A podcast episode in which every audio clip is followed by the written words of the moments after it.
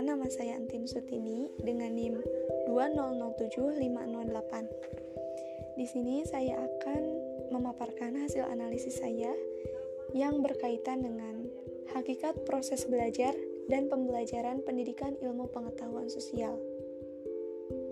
Materi pertama adalah hakikat proses belajar. Pengertian belajar. Belajar adalah suatu proses usaha yang dilakukan seseorang untuk memperoleh perubahan tingkah laku baru secara keseluruhan, sebagai hasil dari pengalamannya sendiri dalam interaksi dengan lingkungannya, menurut Hamdani 2010.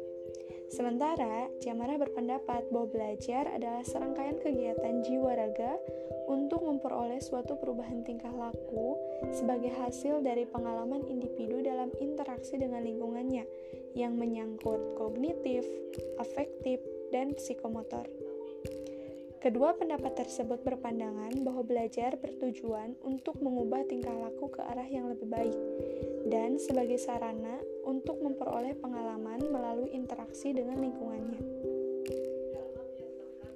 Yang kedua, teori belajar. Teori belajar ini dibagi menjadi dua. Satu, teori belajar Gagne. Menurut Gagne, memberikan dua definisi terkait dengan teori belajar, yaitu yang pertama, belajar adalah suatu proses untuk memperoleh motivasi dalam pengetahuan, keterampilan, kebiasaan, dan tingkah laku. Dan yang kedua, belajar adalah pengetahuan atau keterampilan yang diperoleh dari instruksi. Gagne juga mengemukakan mengenai sesuatu yang dipelajari oleh manusia yang terbagi ke dalam lima kategori, yang ia sebut dengan the domains of learning, yaitu keterampilan motoris, informasi verbal, kemampuan intelektual, strategi kognitif, dan sikap. Teori kedua adalah teori belajar konstruktivisme. Dalam teori belajar ini, belajar itu harus dialami sendiri oleh siswa, sehingga nantinya siswa akan dapat memperoleh pengalaman baru yang bermuara pada tingkah laku. Selain itu, siswa juga bisa menemukan sendiri dan mengkonstruksi sendiri pemahaman-pemahaman yang mereka peroleh.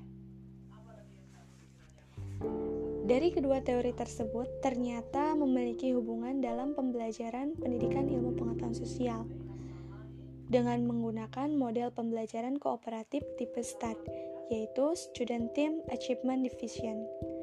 Dalam hal ini tentu saja akan memberikan pengalaman yang bermakna bagi siswa karena akan membuat siswa mampu untuk mengkonstruksi sendiri pengetahuan yang mereka peroleh dan mengembangkan serta meningkatkan perubahan sikap dan tingkah laku ke arah yang lebih baik.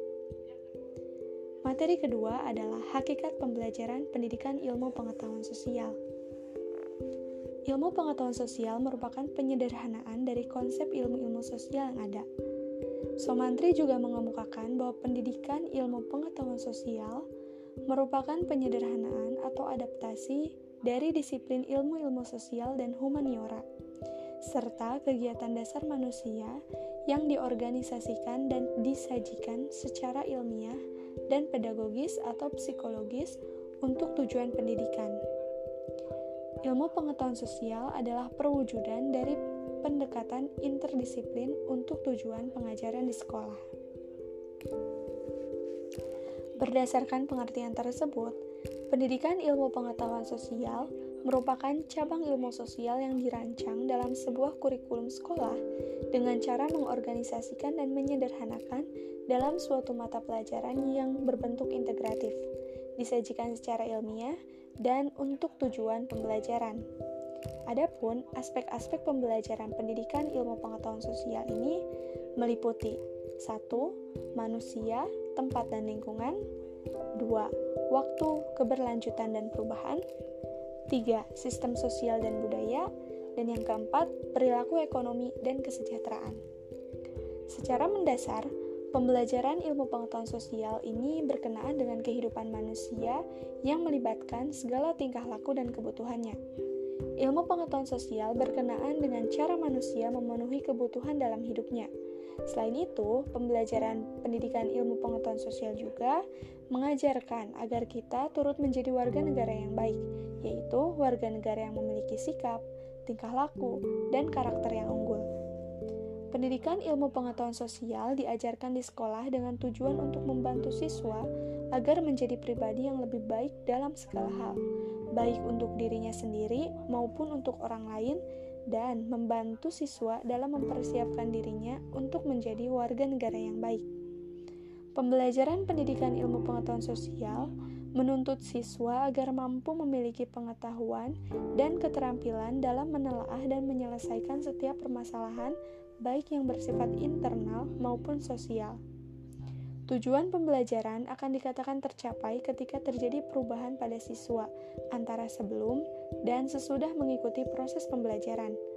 Hasil belajar siswa dapat menjadi tolak ukur sejauh mana proses pembelajaran pendidikan ilmu pengetahuan sosial ini berhasil. Jika tingkah laku siswa menunjukkan perubahan pada arah yang positif, maka dapat dikatakan bahwa ia telah berhasil dalam mengikuti proses pembelajaran pendidikan ilmu pengetahuan sosial. Sekian yang dapat saya sampaikan. Terima kasih. Wassalamualaikum warahmatullahi wabarakatuh.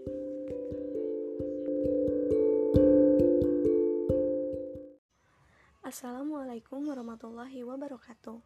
My name is Entin Sutini with student ID number 2007 508. In this podcast, allow me to ask 5 about civic education. In everyday life, many of us do not think that civic education is important. The question is, why is civic education so often considered an insignificant subject? Thank you. Wassalamualaikum warahmatullahi wabarakatuh.